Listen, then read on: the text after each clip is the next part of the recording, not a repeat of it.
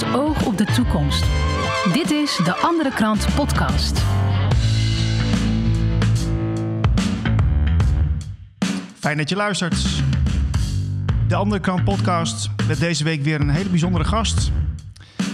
Want wekelijks doen wij een voorbeschouwing op de krant.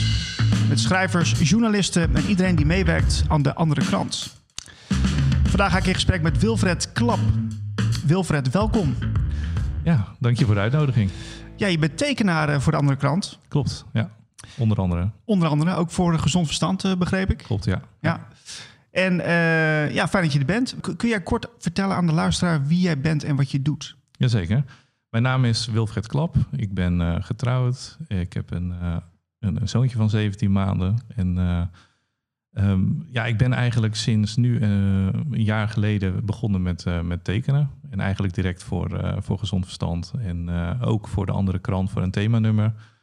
En nu dan sinds alweer zes weken als wekelijkse tekenaar voor de andere krant. Ja, want wat mij opvalt is dat die tekeningen voor jou... want je, elke week lever je één tekening af, hè? Klopt, ja. En die zijn heel kleurrijk en heel beeldend. Eh, eh, want je, vertelt mij dat je dus sinds kort bent begonnen met tekenen. Ja, klopt. Ja, ik, eh, misschien eh, vinden mensen dit heel erg herkenbaar. Ik, eh, ik had gewoon een, een normale baan eh, bij. eh, ik, ik zat gedetacheerd bij gemeenten en dat soort dingen. En binnen de lokale overheid. En eh, ja, je moet weten dat ik eh, al sinds ja, 15 jaar of zo. dat de luiken bij mij ook open gingen. dat de wereld iets anders in elkaar zat. En dat, maar dat ik me toch een soort van gevangen voelde binnen dat systeem. En. Ja, vorig jaar was dat gewoon voor mij het breekpunt. Eh, zeker toen we thuis moesten gaan werken en ik nam al die negatieve energie mee naar huis. Eh, toen was het voor mij eh, ondoenlijk om verder te gaan. Maar ja, mijn probleem was meer van, ja, ik weet niet wat ik moet doen. iets, om iets er tegenover te zetten, zeg maar. Wat, wat ik dan wel leuk vind en wat wel mijn passie is. Dus dat was voor mij een raadsel. Oké, dus eigenlijk de, de, de, de crisis was eigenlijk voor jou wel een beetje een uitkomst... dat, je, dat jou het laatste zetje gaf. Ja, dat zeker. Je wordt gemotiveerd door pijn en plezier. En in dit geval was het eh, heel veel pijn. En eh, ja, ik, ik, ik, ik kwam gewoon niet tot iets wat positief was in die sfeer. En eh, doordat ik eigenlijk mijn baan opzegde, toen kwam ik in een andere energie. veel positiever. En uiteindelijk kwam ik hierin terecht. door gewoon te beginnen met tekenen. Een vriend van mij die, die zag een gezond verstand liggen in een andere krant. En die, die had mij wel een tekening gezien van die ik eerder dat jaar heb gemaakt. Want ik begon wel met tekenen, maar met, met wat andere dingen. Dus ik had echt een handjevol tekeningen nog maar gemaakt. Eh, maar die had dus een van mijn tekeningen gezien. Die zei, dit kan jij ook. En toen zei ik, ja, waarom niet? Ik kan het eens proberen. Natuurlijk, ja. Ja, dus eh, ja, zo gezegd, zo gedaan. Eh, maar ja, toen heb ik het allemaal zelf uitgevogeld. Dus gewoon op papier. En uiteindelijk heb ik ze natuurlijk digitaal gemaakt en opgestuurd. En ik kreeg meteen een reactie van, ja, kom, maar, kom maar tekenen. Dus eh, zo- is het verder gegaan. Ja, maar eh, wa- waar begin je dan als je gaat tekenen? Want eh, je, je moet natuurlijk wel inspiratie opdoen. En, en en hoe, hoe wist je nou dat je talent had? Want het- eigenlijk ga je in korte tijd ga je daar zomaar in, in, in door. Ja, goede vraag inderdaad. Ja, vroeger op school heb ik heel veel getekend in plaats van mijn huiswerk te doen. Ik was altijd al een soort van rebel. van, Waarom moet ik dit leren? Ik heb allemaal geen zin in. Dus dan, eh, maar ik kon wel goed luisteren, dus ik kon tijdens de les aardig wegkomen door gewoon te tekenen en de, de, de lesstof in me op te nemen. Ehm, en eigenlijk daarna nooit meer wat mee gedaan. Ehm, maar de inspiratie was weg. Ik had, niet echt iets om te tekenen. Daarom heb ik het waarschijnlijk ook zo lang niet gedaan. Eh, maar toen ik het kon gaan combineren met een andere passie van me, dat is namelijk, ja, hoe werkt de wereld? Eh, van, van, voor mij gingen 15 jaar geleden dus de luiken open. En eh, ja, dat was best een angstige periode. Ik snap ook wel dat, dat heel veel mensen daar heel veel moeite mee hebben op dit moment. Die op dit moment gaan inzien dat de wereld iets anders in elkaar steekt. Maar ehm, ja, dat, dat gaf me wel heel veel inspiratie om, eh, om daar nu iets positiefs mee te doen. Ja, maar Wilfred, jij, jij gaf aan, dus, hè, al, al jarenlang gingen bij jou de luiken open. Je wist wel dat heel veel dingen niet klopten. Hoe heb je dat dan volgehouden binnen, dat, eh, dat, ja, binnen die overheidssfeer? Nou, dat is. Hoe doe je eh, dat, man? Ja. ja, ik heb jarenlang bij een hele kleine organisatie gewerkt. Waar echt, eh, ja, daar werd gewoon gezegd eh, door de bewindsmensen, zeg maar, door de wethouder. eh, van ja, eh, de, wet is, eh, is, is niet voor of, eh, de wet is voor ons gemaakt en niet andersom. Dus ja, weet je, we kunnen ook wel eens een oogje dichtknijpen of we kunnen dingen regelen. Maar dat is nu over. Je hebt nu gewoon overheid BV. Eh, de gemeentes, weet je wel, je is allemaal of gefuseerd. Het is allemaal zo groot geworden, weg van de burger gehaald. Dus het is, eh, de laatste jaren was het inderdaad echt een uitdaging om, eh, om er nog iets uit te halen van ja, zingeving. En wat, wat, wat, wat is het volgens jou dat mensen daar dan toch voor kiezen? Ook al weten ze wel dat heel veel dingen niet kloppen. Ja, dat is toch wel angst, denk ik. Kijk, je, je zit er zo in en je denkt, ja, ik heb een hypotheek, ik heb een gezinnetje. Voor mij is het onmogelijk om eruit te stappen. Nou, dat is dus absoluut niet zo. Eh, ja, heel veel mensen die dit horen, die denken misschien van ja, dat is makkelijk praten. Maar ja, ik heb gewoon de knuppel in het ho- hoenderhok gegooid. En ehm, ja, ik moet wel zeggen, ik was in die zin bevoorrecht dat ik het me een tijdje kon permitteren om geen eh, inkomsten te hebben. Dus dat is dan wel, dat moet ik er dan wel bij zeggen. Maar ehm, ja, voor mij was het in ieder geval niet mogelijk om daarnaast iets positiefs te doen. Nee, Dat nee. was onmogelijk. Ja. Ja. En dan komt, komt er zo'n crisis aan, dan kom je thuis te zitten. En wat was dan voor jou eh, eh, de druppel dat je denkt van nu ga ik eh, een andere koers in? Ehm, ja, dat was met name de, de, de negatieve energie die, die het me al gaf, maar die ik goed van me af kon zetten toen ik ergens buiten de deur was. Maar die nam ik mee naar huis. En dat zag ik ook aan mijn, mijn vrouw en dat, dat straalde ook uit op mijn gezin. Mhm. En toen dacht ik, ja, dit, dit is absoluut, dit kan gewoon niet. En het is altijd al, ehm, het was eigenlijk onvermijdelijk. Dus daar heb ik me toen bij neergelegd. Zat, ja. er, zat eraan te komen. Ja. Dus nu eh, doe je iets wat je echt leuk vindt. Daar krijg je meer, eh, meer plezier van en eh, je, je wordt er vrolijk van. Ehm, hoe, hoe gaat het nou in zijn werk dan met zo'n met zo'n tekening?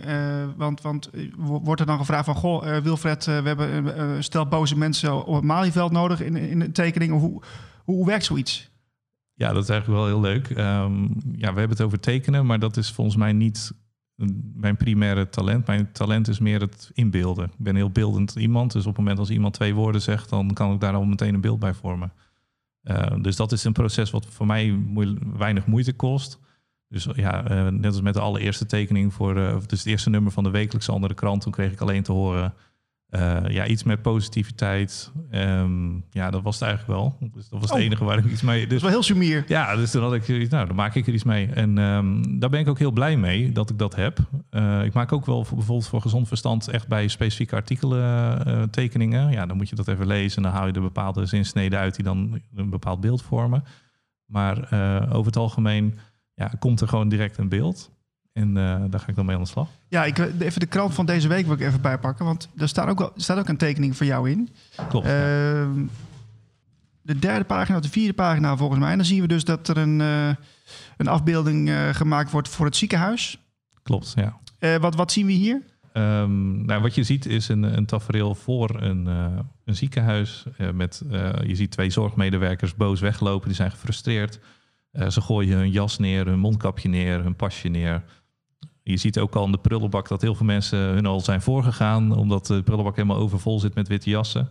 Eh, er staat een ziekenhuisbed eh, op, eh, op het gras voor het ziekenhuis met een plakker erop gratis mee te nemen. Ja, dat is, ja, we, he- we hebben zogenaamd beddentekort, maar ja, we hebben geen personeel om de bedden ja, te bemensen, zeg maar. Ja, het bekende verhaal. Ja. Maar wat probeer je nou in die tekening te leggen dan? Want eh, de, de wat wil je dat de lezers daarvan vinden? Of wat voor emotie moet opgeroepen worden? Nou, oh, trouwens nog één detail op de achtergrond zie je eh, dat een, eh, het medisch centrum daarnaast, of, of zeg maar het deel van het gebouw ook gewoon neergeslagen wordt, dat het gesloopt wordt. Dat is ook een van de plannen van de, van de Rijksoverheid om eh, het ziekenhuis nog verder af te breken in Nederland en nog verder door te bezuinigen. Dus eh, ja, en, de, en er staat als tekst boven, we doen het voor de zorg.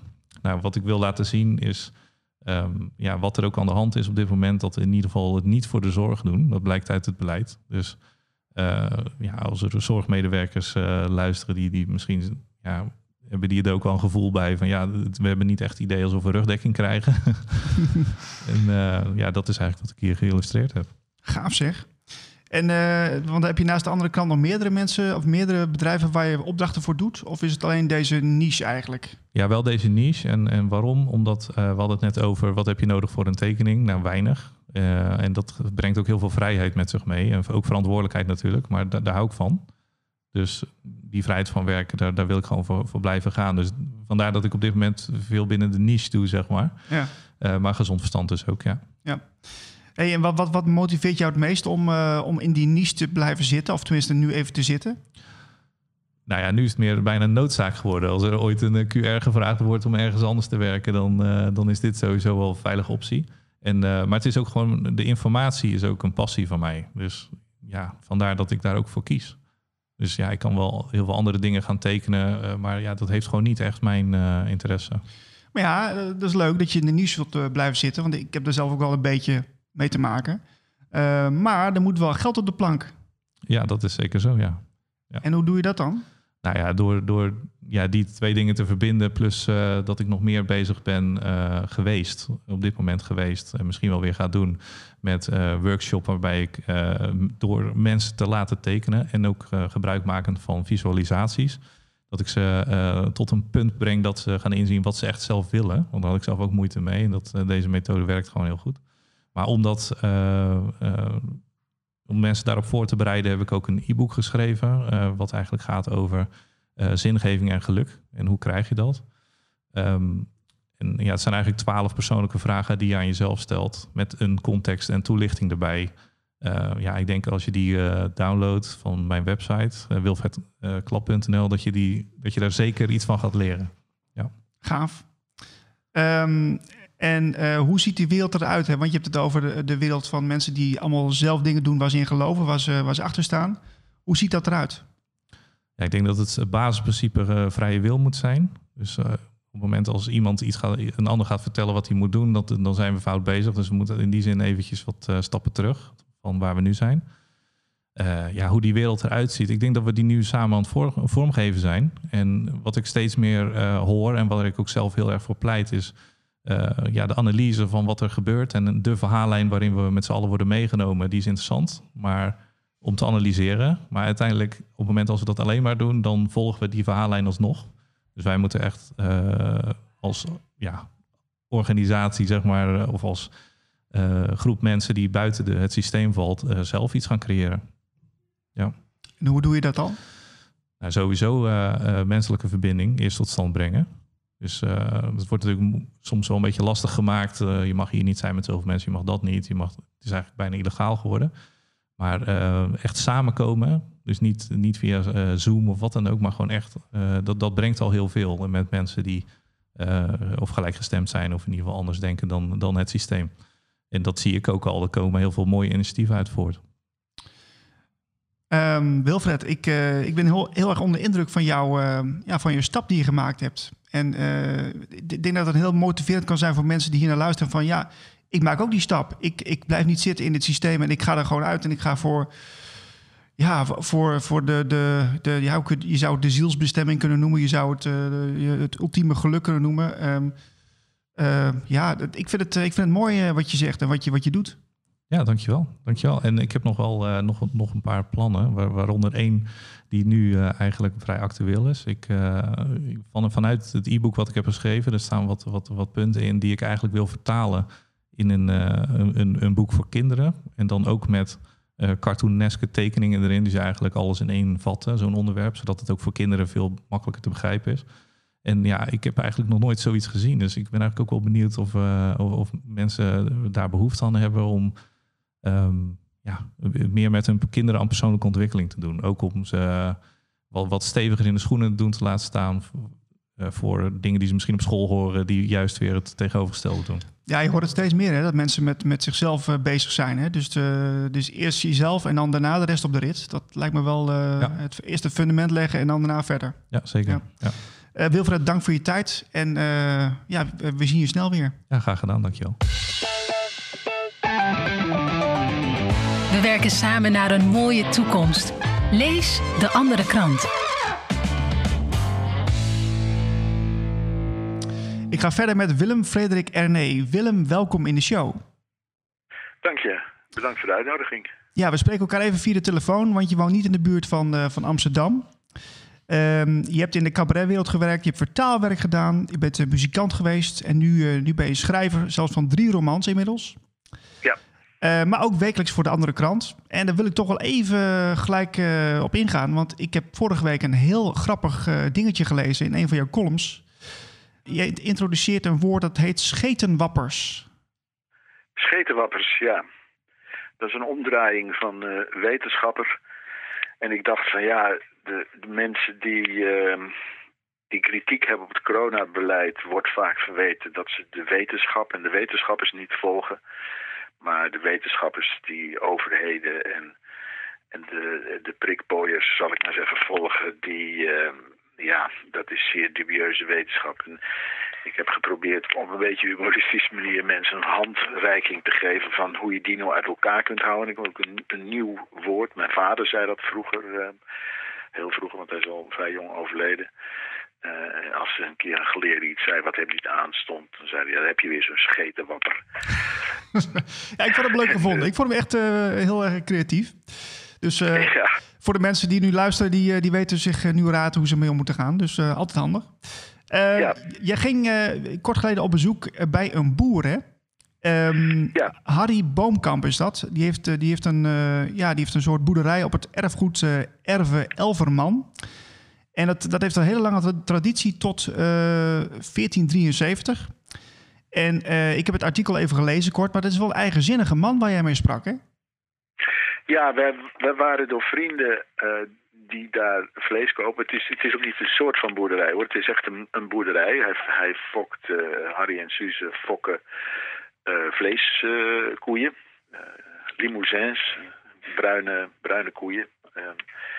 en Um, we werden uitgenodigd ja, voor, zo'n boerderijbezoek. Dat, dat kun je doen, er wordt wat verteld. En dan, uh, ik, vond, ik vond het een hele bijzondere man met hele eigenzinnige gedachten. En hij, hij, um, ja, hij zei ook goede dingen. Ze, ze willen uh, vlees fokken, koeien fokken die, um, die gezond zijn. Uh, met, met, door de natuur ook in acht te nemen. Dus door geen um, antibiotica te gebruiken, niet te vaccineren. En um, ja, hij zei, ja, dat staat ook uh, ruimschoots in het interview. Hij zei een paar hele mooie dingen. Hij zei bijvoorbeeld dat, dat in het huidige systeem de ziel eruit is. Dus als je 20.000 of 50.000 kippen in een stal propt, dat is zieloos en, en ook heilloos dan. En dat, vandaar heeft hij zich altijd verder van gehouden. En um, ja, dat vond ik mooi. Dus ik heb hem gevraagd of hij dat uh, ook uh, voor de andere krant wilde halen. En dat, dat wilde hij en dat staat er nu uh, vandaag in.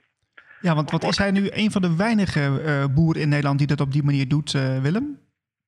Nou, dat, dat denk ik niet hoor. ik, ik ben geen expert op dat gebied, maar mijn vrouw en ik kopen um, al jaren ons vlees bij een bedrijf in Haaksbergen. Dat heette vroeger samen een koe kopen. Dan kon je dus zeg maar samen intekenen op een koe. Dat waren dan blonde Dakitens. En die hebben naam van alles heeft geloof ik tegenwoordig van, van onze boer. En die doen ook uh, varkens en kippen. En, uh, dus, en dat wordt op een vergelijkbare manier uh, zuiver gefokt. Dus ik, daar zijn echt diverse initiatieven. En ik denk ook dat dat de toekomst zal worden dat, dat uh, productie weer veel regionaler moet worden. Maar hoe, hoe, hoe het procentsgewijs zit, ik, ik denk dat het eerlijk gezegd redelijk marginaal is nog. Op de hele Nederlandse landbouw. Want de Nederlandse landbouw is natuurlijk uh, buitengewoon succesvol. Uh, het is we zijn na de Verenigde Staten de grootste landbouwexporteur ter wereld. Je, je gelooft het bijna niet. Hmm, ja. Maar het is wel zo. En dat, dat is dus aan de ene kant een enorm compliment voor onze boeren en, en de hele agrarische sector. Aan de andere kant is het natuurlijk ook een volstrekt niet te handhaven uh, feit. Uh, want, want die 300.000 varkens die een bepaald bedrijf elke week slachten... die allemaal naar China gaan, ja, de stroom blijft wel hier. En dat is op de duur niet te handhaven. Dus um, de boeren moeten denk ik uiteindelijk gaan doen wat ze ook zeggen dat ze doen. Namelijk uh, weer gaan fokken en, en producten gaan telen en kweken voor de mensen zelf in de buurt. Ja, en wat, wat voor consequenties heeft dat nou dan, uh, Willem? Dat je uh, heel erg je eigen koers uh, bepaalt in die agrarische sector. kun je er iets over zeggen? Nou, ik, te, te, te oordelen naar hoe, hoe zij het doen, is, is dat prima te doen. ik, ik ben zelf ook vrij actief ehm, sinds twee jaar uh, aan, aan, aan het groente kweken en zo. Wij, wij, wonen buiten en hebben ook de ruimte om dat te doen. Sinds vorig jaar een kas en nu ook een tunneltje. En ik heb me daar redelijk in verdiept. En er zijn overal in de wereld zijn best veel uh, mensen die professioneel groenten kweken. voor lokale bedrijven, voor restaurants. En, en die daar ook boterham willen verdienen. Ehm, dus ik denk dat het eigenlijk heel kansrijk is. En je ziet ook initiatieven, Enschede is zoiets, hebben een honderdtal mensen hebben een stuk land gekocht en een boer ingehuurd om dat land te bewerken. En uh, ja, ik heb begrepen je van, van een hectare, dus een stuk van 100 bij 100 kun je, mm, nou het exacte getal weet ik niet meer, maar ik dacht zo'n 117 mensen, 130 mensen, zoiets voeden. Um, nou ja, en, de, je, je, hoort overal van dat soort initiatieven. En uh, ik denk dat het die kant op moet. Ja, want, want Harry uh, die laat zijn, uh, zijn koeien bijvoorbeeld ook niet vaccineren, hè? maar laat ze testen bij de gezondheidsdienst. Um, heeft hij jou iets verteld hoe hij zijn koeien nou gezond houdt? Nou ja, eh, als ik zijn verhaal goed begrepen heb, zijn. Um, kijk, in eerste plaats, hij. Um, de kalveren komen allemaal uit zijn kudde. En ze um, kopen dan wel eens in de zoveel tijd een dekstier, maar die wordt buitengewoon goed gecontroleerd op ziektes. En hij zegt als um, beesten gewoon goed eten, gevarieerd eten, dus, dus gras uh, knagen waar ook kruiden en, en weet ik wat, diverse soorten waar bloemen in zitten, et cetera. Dan blijven koeien gezond. Ja, dan zullen ze wel eens een keer wat hoesten en maar dat gaat dan wel weer over. Hij heeft in de tijd zijn hele kudde laten controleren bij de gezondheidsdienst. En die bleken allemaal voldoende weerstand te hebben. Dus hij heeft toen ook gezegd, nou ik ga niet enten. Um, dus uh, ja, ik, ik, ik moet aannemen dat hij dat, dat, dat ook klopt natuurlijk. Hè? Ja. ik ook best op vertrouwen. En dus ja, het is net zoals met mensen. Als je uh, geen aangeboren ziektes hebt en je heeft, eet en leeft verder gezond, dan word je ook eigenlijk niet ziek. Dan ben je een keer verkouden. En uh, ja. Ja, het, het, klinkt een beetje alsof de industrie het een beetje uh, ingewikkeld maakt voor, voor, voor de mensen en voor dieren. Oh, daar ben ik van overtuigd. De, de, de farmaceutische industrie is georganiseerde misdaad. Dat heeft um, Peter Gutsche, Deense hoogleraar uh, in een boek uh, getiteld uh, Deadly Medicines and Organized Crime, wat ergens in 2014, 13, 14 verschenen is, ook duidelijk gemaakt. Hij stelt dat de grootste tien farmaceutische bedrijven ter wereld voldoen aan het criterium dat de Amerikaanse overheid stelt voor de definitie van georganiseerde misdaad. Dat, die formulering is natuurlijk wel belangrijk. Ik zeg niet jullie zijn georganiseerde misdaad, maar hij formuleert het zo. Dat boek is in Amerika verschenen en hij is niet uh, voor de rechter gedaagd. Hè. Wat natuurlijk in Amerika gebeurt als je heftige dingen zegt tegen een grote industrie, dan word je lek geprocedeerd. Ja. Dus ik denk inderdaad um, dat, en ook de gezondheidssector, dat um, ja, de, die hele industrie die verdient aan ziek zijn en niet aan gezond zijn. En dat is een, uh, een duivelse uh, stimulans eigenlijk. Want dat, dat, uh, ja, dat laat je mensen ziek houden of, of ziek maken. Ik heb daar een buitengewoon lage pet van op. moet ik eerlijk zeggen. Ja, nee, uiteraard. Wie niet? Het is, uh, dat, dat is maar, maar mooi dat dat inderdaad dan zo in, in, uh, naar, naar buiten gebracht wordt. En dat, we, dat mensen dat uh, kunnen lezen. Um, ja, ik denk ook dat dat een van de, van de hoopgevende aspecten van deze tijd is. Dat, dat al deze dingen in hoog tempo en, en met enorme frequentie en hoeveelheden naar buiten komt. En hopelijk laten meer mensen zich daardoor uh, ja, hun kennis vergroten. En komen ze tot de conclusie dat het zo uh, niet, uh, niet verder kan. Nee, ik, ik, las in je artikel ook um, dat de boer is heel erg um, enthousiast over het fenomeen slow food. Hè? ja. Voor de mensen die dat niet weten, kun je even uitleggen wat dat precies is? Nou, de, is het, op een gegeven moment is er een tegenbeweging gekomen tegen het fastfood. Um, en dat is onder andere, want volgens mij zijn er veel meer mensen mee bezig geweest, maar Carlo Petrini heet hij, of Petre, Petrini, Petrini, weet dat moet ik even vanaf wezen, in Italië. Waar anders zou je bijna zeggen, natuurlijk in Italië Frankrijk.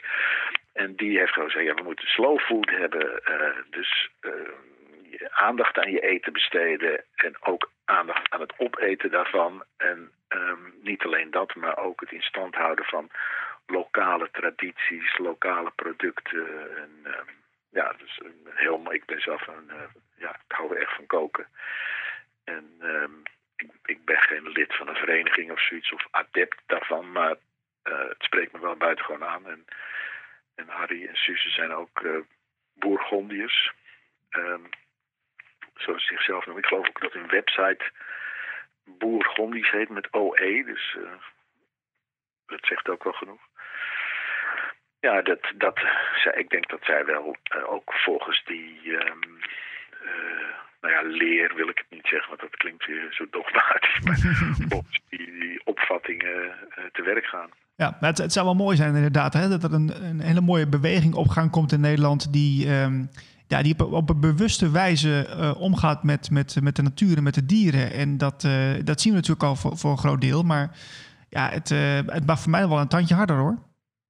Ja, absoluut. Als je, als je ziet, aan de ene kant zie je hele mooie initiatieven waar je weilanden ziet vol paardenbloemen in, in, de tijd van het jaar en, en, en andere gewassen erin. Maar je ziet ook wel heel, heel veel weilanden die volledig monocultuur zijn, waar één bepaald soort gras wordt gekweekt, omdat de koeien, als ze ander gras eten, gewoon niet die gigantische melkproductie kunnen hebben.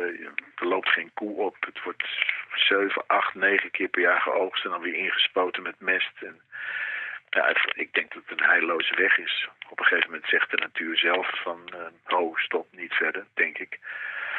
Maar um, ja, daarom is het zo mooi dat mensen als Harry Boomkamp en ook, ook mensen van, van, van onze boer en, en, vele anderen, hoor, dat die dat op deze manier doen en, en daar uh, ook succesvol mee zijn. Dus natuurlijk als het failliet gaat, dan, uh, dan wordt het een beetje triest natuurlijk.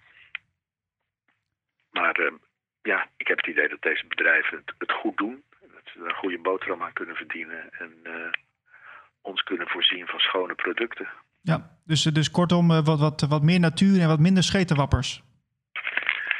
Ja, dus de schetenwappers die moeten echt wel, denk ik, weggewaaid worden.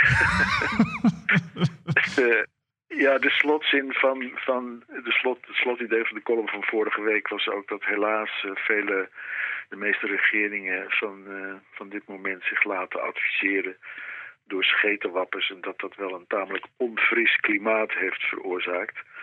En dat dan die klimaatverandering wel door mensen veroorzaakt is. Maar um, ik zou zeggen inderdaad, uh, schetenwappers knop uit en uh, alleen nog maar aandacht voor echte wetenschappers. Hè? Want dat zijn mensen die ook durven discussiëren, ook op de televisie, die, die durven iemand als Pierre Capel, of ook, ook Willem Engel, die natuurlijk ook een wetenschapper is, die durft heus wel met uh, Ab in discussie te gaan op de televisie, maar Ab Osterhaus niet met hem. Want dan worden ze ontmaskerd. Ja, dat is wel bijzonder inderdaad. Ja, ja precies. Ja, dus daar, dat is een van de dingen waar je ze ook aan kunt herkennen. Mensen die één keer in de week hun gezicht op, op één laten zien of bij Jinex zitten, dat zijn schetenwappers, per definitie bijna. Dus dat, dat is ook voor iedereen makkelijk te herkennen dan. Zo is het. Willem, ik wil heel erg danken voor je tijd. Uh, je bent deze week te lezen op pagina 13 van De Andere Krant. Um, abonneer je op de krant en op dit kanaal, het YouTube-kanaal van De Andere Krant. En dan zijn we er volgende week weer. Dankjewel voor het luisteren. Wil jij ook De Andere Krant bij jou thuis? Bestel hem dan op deanderekrant.nl